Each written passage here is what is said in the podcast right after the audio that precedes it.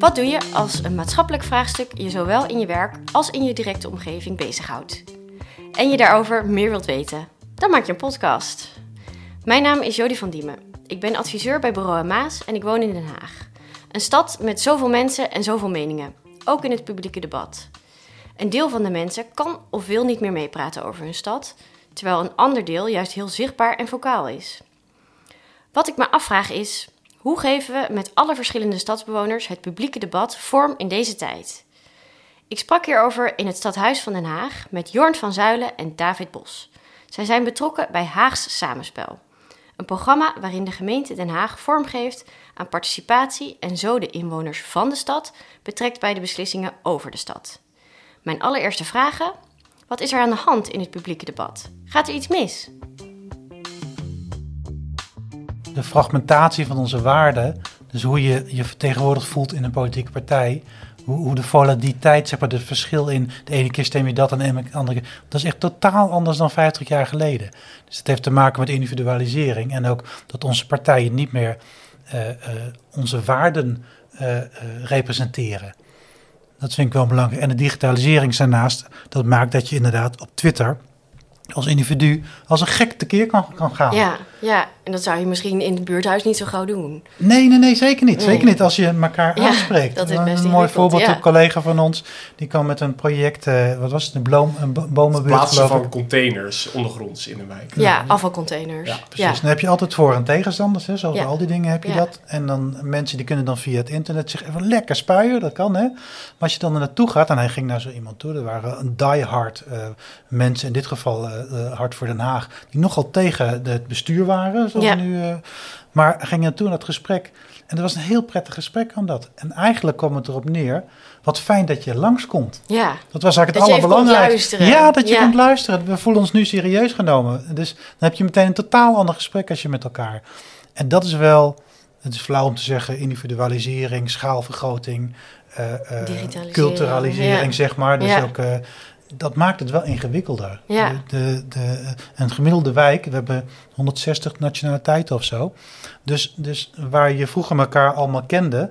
Uh, ik woon in de rivierenbuurt. Daar heb je nog mensen die zeggen: zeven generaties rivierenbuurt. Ja, ja, ja. Dus die kenden elkaar vroeger ja, allemaal. Ja. Dus dan ga je natuurlijk bij elkaar praten. Ja, er was meer je, gemeenschapje dan ja, ook. en het is flauw om te zeggen, maar in een portiekwoning waar een Ghanese familie en een nieuw Marokkaanse familie en iemand maar twee jaar zit en een jaar daarna weer doorgaat, een studenten, is die sociale cohesie ook een stuk minder. Ja, en dus is het ook niet, ja. om, om, elkaar aan te spreken. Het zal voor jou ook gelden. Ja, ja, als jij in, in een studentenhuis zit met allemaal studenten om je heen, dan heb je meer sociale cohesie dan als je in een nieuwe wijk in Oostbroek zit, zeg maar, waar je nog met iedereen. Dus, dus ik geloof ook wel dat je dat, in dat perspectief moet kijken naar het publiek debat. Wat iets ja. anders is dan. Het is dus een veel grotere opgave nu.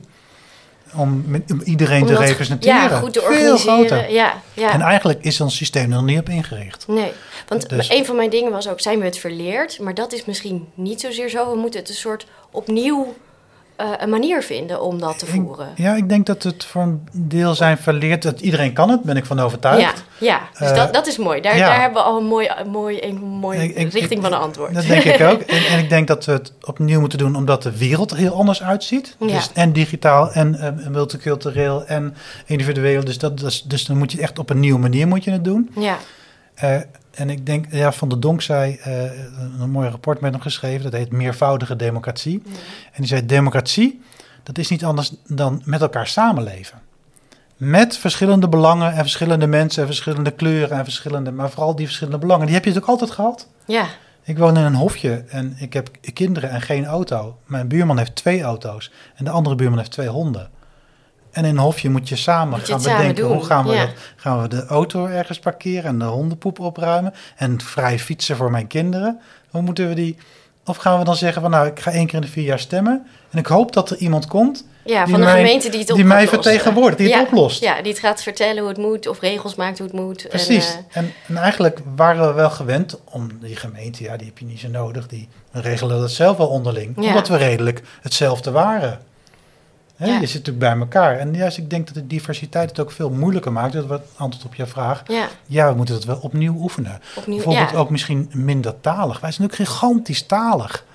Nou, ik denk dat er echt wel redenen voor zijn om te zeggen dat het eh, inderdaad wel Dat er een iets aantal aan de hand misgaat. is. Ja, ja. Ehm, maar dat vind ik ook wel ja, fascinerend soms. Want ja, voor heel veel dingen heb ja, je kunt het probleem wel bij de overheid leggen en die gaat het dan voor ons oplossen. Maar het gaat heel vaak over die ja, publieke ruimte op straat of in je wijk, waar je toch samen uit moet komen. Dus eh, we hebben nu een interessant project bijvoorbeeld in Duinoord. Eh, enorme overlast, want mensen kunnen hun fiets niet goed parkeren op straat. Nou, project Duinoord fietst. Hoe maken we meer ruimte voor fietsparkeren? In de eerste fase hebben we knelpunten en ervaringen opgehaald in de wijk. Dus nou, waar gaat het nu mis? Waar staan die fietsen in de weg? Waar kun je hem niet kwijt? Noem maar op. Eh, nu is de gemeente een aantal oplossingen aan het ontwerpen. Die gaan we straks eh, terugleggen in de wijk. En veel van die oplossingen gaan eigenlijk over nou, extra fietsnietjes plaatsen. Maar dat gaat weer ten koste van eh, de ruimte voor autoparkeren, Ja, bijvoorbeeld. of voor andere dingen, ja. groen of eh, plekken voor ontmoeting. En dan wordt het best wel spannend van...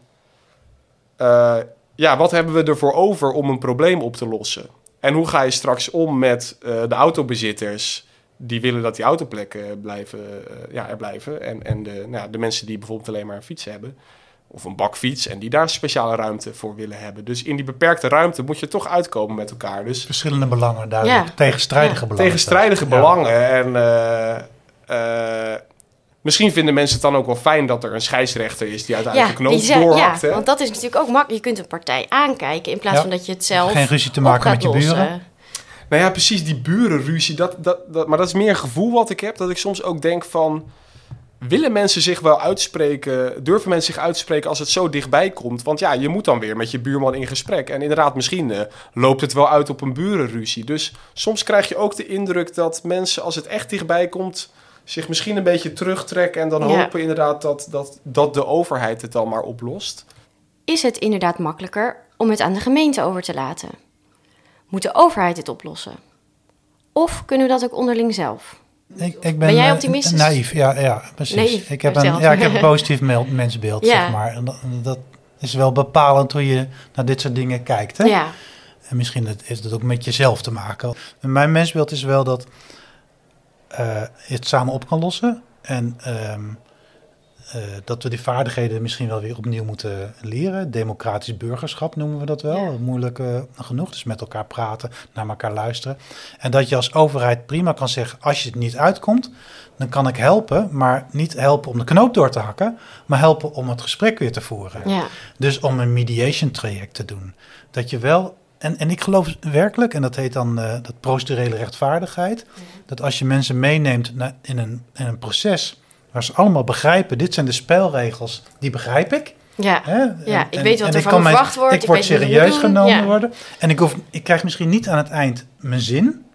Maar ik, heb wel, ik ben in dat hele proces meegenomen. En ik zie dat er verschillende belangen zijn. Ik weet dat die meneer drie auto's heeft en dat ik een hond heb en dat ik wil een fiets parkeren. En ik weet dat we ook een fietsparkeerprobleem hebben.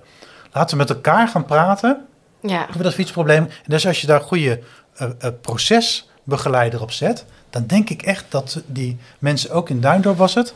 Daar, Duinoord. Duinoord. Ja, die daar, vaak door elkaar. Dat zijn hele andere. Duinoord zeker Ja, ja, ja. daaruit moeten gaan komen. Maar Ja. ik denk ook in Duindorp. Ja, en dat is natuurlijk ook de magie van participatie. Hè? Dus volgens mij, eh, eh, het gaat, eh, we hebben het nu een beetje over het publieke debat.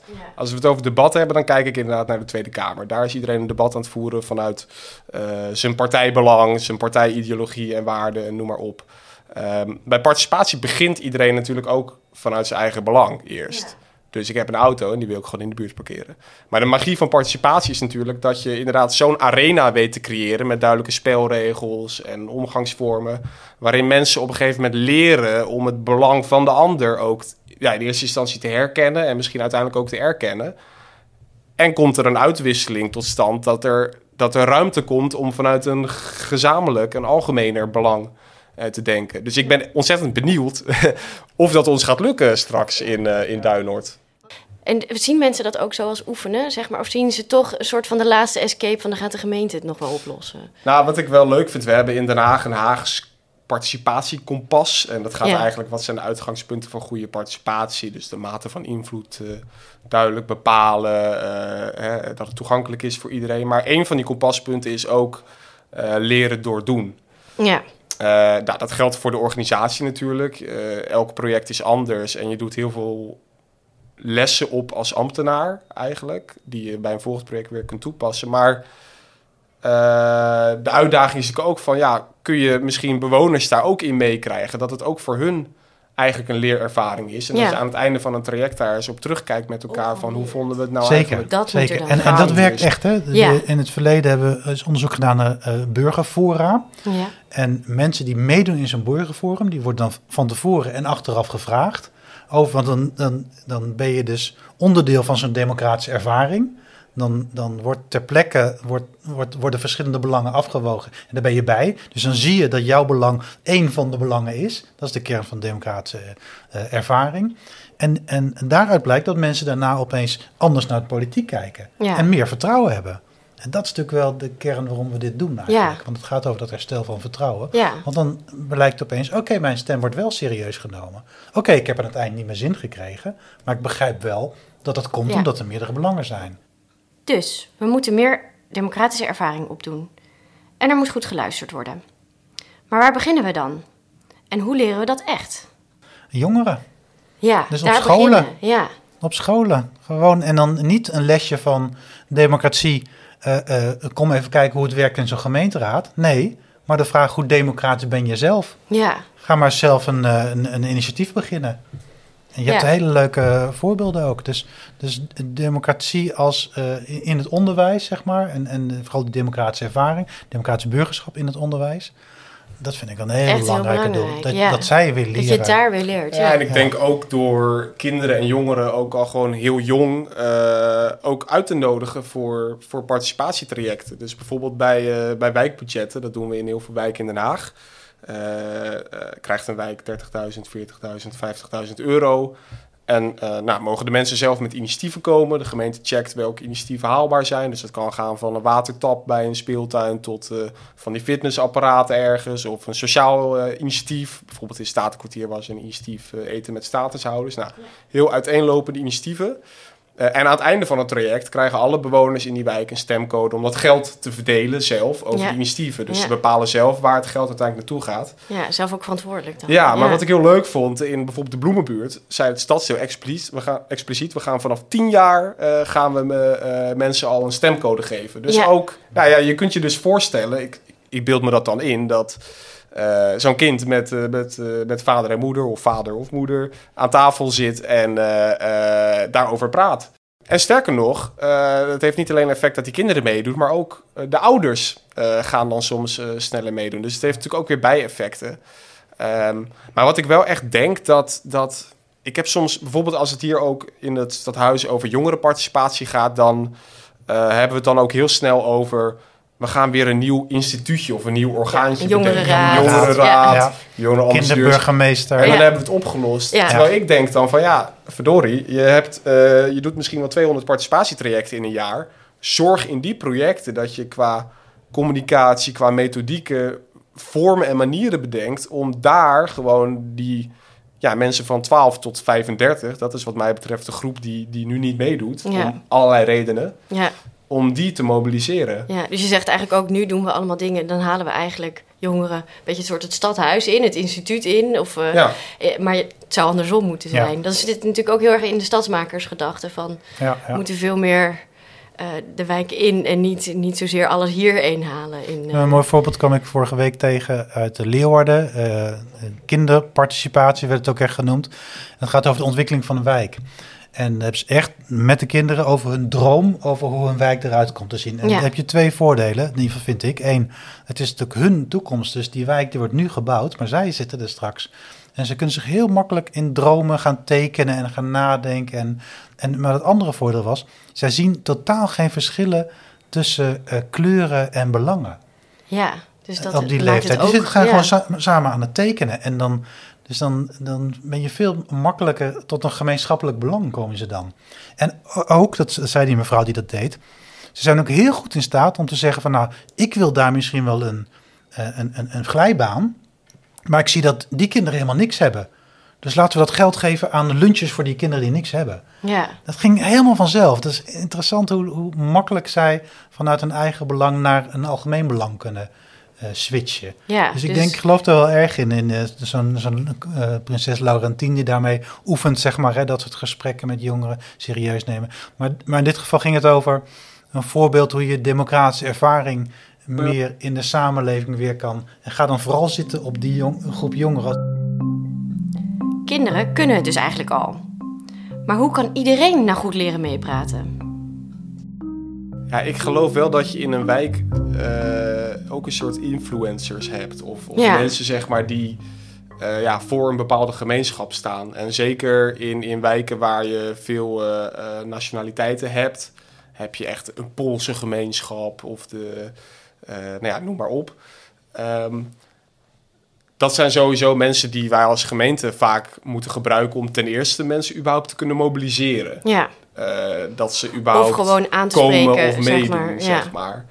Ehm, maar vervolgens een gesprek eh, organiseren tussen mensen die een verschillende taal eh, spreken, dat is eh, eh, online wel te doen. Eh, want dan, eh, eh, stel je voor, ze reageren op een, op een website van de gemeente op elkaar. Dan gebruiken ze gewoon allemaal Google Translate en dan Ja. lezen ze het in hun taal. Ja. Dat is makkelijk. Ehm, eh, als ze daar komen. Ehm, maar hoe je dat, eh, ja, hoe doe je, hoe doe je, ja, dan moet je allemaal tolken erbij halen, denk ik. Of, Ja, of het beeldend maken. Ja. Maar wat er wel onder zit, denk ik, ook bij jou is van ja, wat als je in je straat nog niet zoveel sociale cohesie hebt? Je, bent, je hebt geen straat WhatsApp-groep, bij wijze van spreken. Hoe mobiliseer je dan zelf als bewoner eh, je straat? Je hebt niet die jaarlijkse buurtbarbecue. Eh, de kinderen spelen niet met elkaar. of er zijn geen kinderen, ik noem maar wat. Ja, Dat is best wel. eh, ik snap wel dat dat een spannende vraag is van hoe doe je dat zelf Ja. zonder de mobiliserende kracht van de gemeente. Want als de gemeente zo'n vraagstuk zou moeten aanpassen, dan zou moeten aanpakken, dan, dan, dan wordt er al snel gekeken naar van hé, wat zijn sleutelgeme- eh, sleutelpersonen Ja. in die communities Ja, die we kunnen mobiliseren en die dan weer hun community kunnen mobiliseren, ja. noem maar op. Dat is een beetje hoe het vaak gaat. Ehm, maar stap twee is van hoe kon je, kun je er ook tot een goed gesprek eh, eh, komen, natuurlijk. Maar, eh, maar ja, je legt hier wel iets bloot, denk ik, van wat in veel straten misschien aan de hand is. Anonimiteit. Soms is, het ook, is er wel cohesie, maar eh, in verschillende kringen. Dus dat, dat zou je best aan kunnen spreken. Want ik heb ook het idee dat er best wel veel gemeenschapsgevoel zit.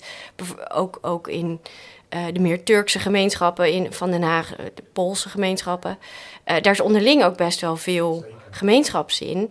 Alleen kun je dat nu niet een soort van voor de wijk inzetten. Omdat dat ja, een beetje eh, ontoegankelijk is of wat ja, lastig, lastig bereikbaar. Eh, nou, door die taalbarrière onder andere. Omdat ze misschien ook wat minder... ehm, eh, ja, ook een soort Nederlands burgerschapsidee hebben daarbij. Ja, dat weet Ja, ik niet zo goed. Ik denk, ik denk in, in veel gevallen dat het, dat het eigenlijk ook niet meer anders kan. Zeg maar. Ja. Dus dat je als overheid zo ver bent verwijderd van bepaalde groepen, dat je gemeentelijke communicatie gewoon niet meer aanslaat. Zeg Ja. maar. Dus dan heb je wel die tussenpersonen nodig om überhaupt nog eh, in contact te Aansluiting te komen, bij wijze van spreken. Ehm, ehm, en misschien als ze dan een goede democratische ervaring zeg maar, opdoen, kun je misschien weer iets van vertrouwen en contact eh, terugwinnen. Misschien. Maar ik wil daar ook niet eh, te optimistisch over zijn. Want eh, het gebeurt ook wel heel snel dat, dat participatie eh, als een soort eh, ja, de oplossing wordt gepresenteerd voor. ehm, eh, om dat vertrouwen dan terug te winnen, zeg Ja. maar. Ja, Ehm, en ik geloof daar wel in, Ja. als je dat echt goed doet, dat je dat, dat, dat inderdaad kan. Dat je, Dat je daar wel positieve kunt ervaringen kunt opbouwen, Ja. maar dan moet je het wel echt goed doen. Want het gaat al heel snel mis en het afbreukrisico van participatie is ook heel groot, denk Ja. ik, als je het niet goed doet. ja, Maar ik denk wel, want het gaat over verschillende groepen. Hè? Vroeger ging de protestante gemeenschap in het dorp niet om met de katholieke gemeenschap. dus het is misschien ook niet zo binnen, die, erg. en binnen die gemeenschappen Ja, was er heel veel gemeenschapszin. ja, En tegenwoordig een onderzoek in Rotterdam gedaan. Dat ging over eh, maatschappelijke initiatieven in die culturele groepen die een niet traditioneel de Nederlandse manier van eh, gemeenschapszin hebben. ja. En die zie je dan minder op inloopavonden en weet ik veel wat. Maar Ja, die doen precies. heel veel voor en met elkaar. ja.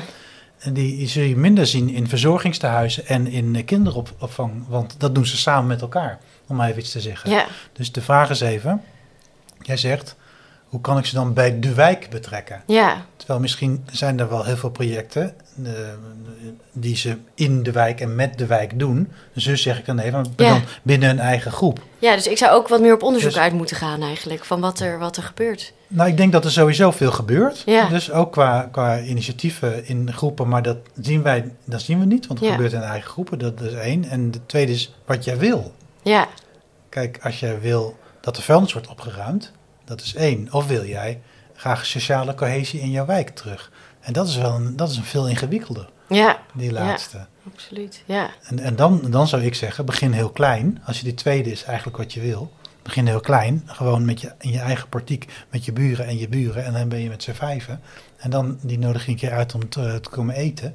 En dan kijk je elkaar in de ogen. En dan blijkt dat je allemaal eh, jonge kinderen hebt, of weet ik veel, of een probleem met je moeder, die eh, verzorging nodig heeft. En dan ontstaat een, een relatie en dan ontstaat van het een het ander, denk ik Ja. eerlijk gezegd. ja, En dan blijkt dat je eigenlijk allemaal wel last hebt van die auto's die kaart door de straat heen rijden. En wat voor, wat voor een achtergrond je dan ook hebt. En daar wil je allemaal wel wat aan doen eigenlijk. Hoe kun je meer structurele participatie ook krijgen? Dat je echt in gesprek bent over zo'n wijk, al weet wat er leeft en ook dus projecten die dan in zo'n wijk plaatsvinden meer met elkaar verbindt of dat ook slimmer doet als gemeente.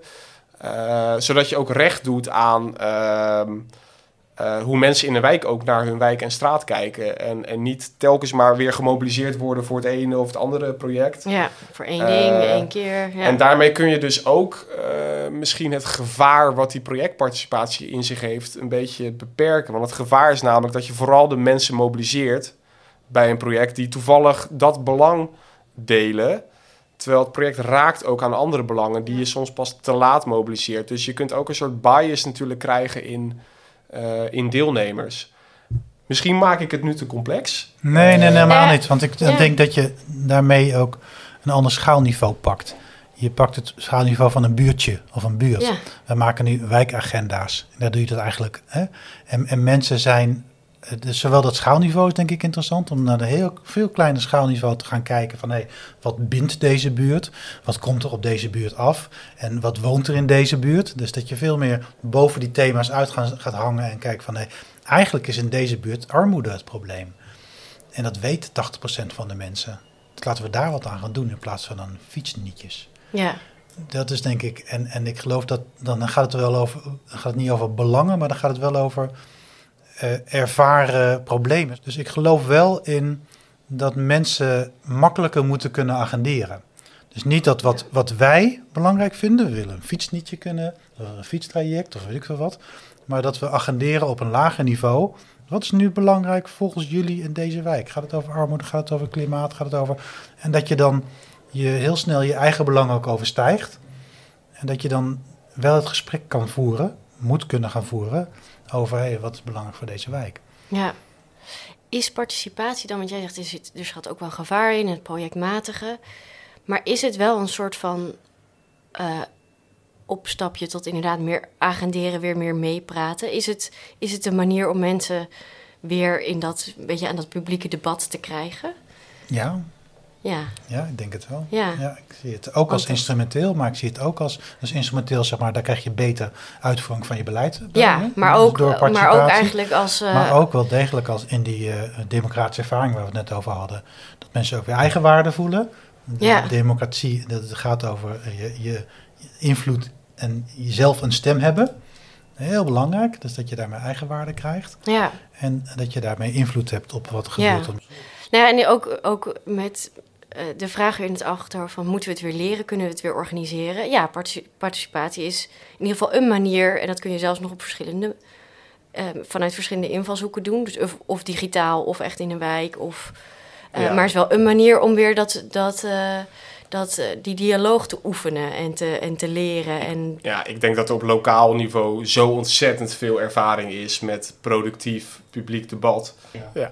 Eh, Maar eh, nou, ik wil het ministerie eigenlijk wel uitdagen. Ehm, van eh, een aantal jaar geleden. We, we, in Den Haag maken we gebruik van OpenStad. Dat is open source eh, eh, software waarmee je digitale Ja. participatietrajecten kunt neerzetten. Een aantal jaar geleden hebben we daar ook een, een subsidie voor ontvangen vanuit het ministerie. En ons voorstel heette toen Nederland begroot. Ja. Dat kwam namelijk, het was in Amsterdam begonnen, in Den Haag hadden we het overgenomen. ja, want jullie hebben dat hier ook gedaan, toch? Ja, precies. Ja. Dus in Amsterdam deden ze stadsdeelbudgetten. Wij doen dan wijkbudgetten. En dat Ja. is, nou, is heel, heel digitaal, maar ook eh, offline proces. Eh, maar Nederland begroot ging er eigenlijk over van... Hey, eh, hoe kunnen we ervoor zorgen dat meer gemeenten in Nederland dit gaan gebruiken? En vooral niet alleen die software en die tooltjes... maar vooral de processen en de gedachten die erachter zitten. Ehm, maar dan denk ik, ja, kunnen we niet een keer een nationaal budget eh, doen... bij wijze van spreken. Nationaal, eh, Nederland begroot. Eh, punt, eh, rijksoverheid.nl Eh, nee, maar serieus. Ik vind, denk echt dat dat wel... eh, je moet gewoon ervaring ook gaan opdoen. Dus je Ja. kunt erover blijven praten. ja. Maar ook hier in Den Haag merken we gewoon... Ja, dat leren door doen is niet voor niets een kompaspunt. Ja. Je moet het gewoon... Ja, het klinkt... Als anderen het zeggen, vind ik het altijd heel simpel klinken. Maar je moet het gewoon gaan doen. Ja. Om het te ervaren, om te leren... en om het de volgende keer weer beter te doen. Ja. Ja. En niet, en niet als een doel op zich natuurlijk. Hè. Soms dan wordt participatie ook als een doel op zich eh, eh, gezien. Ehm, zo formuleer ik het nu misschien net ook een beetje hè, van een ervaring eh, opdoen. Mensen moeten wel, mensen doen mee omdat er iets op het spel iets- staat. Ja, ja, moet echt En niet voor de vorm. zijn. Ja. Begon deze podcast met de vraag of we het publieke debat nog samen vorm kunnen geven. En dat kunnen we, maar misschien niet meer op de manieren zoals we gewend waren. En de gemeente die kan dat faciliteren. Maar we moeten het ook zelf doen.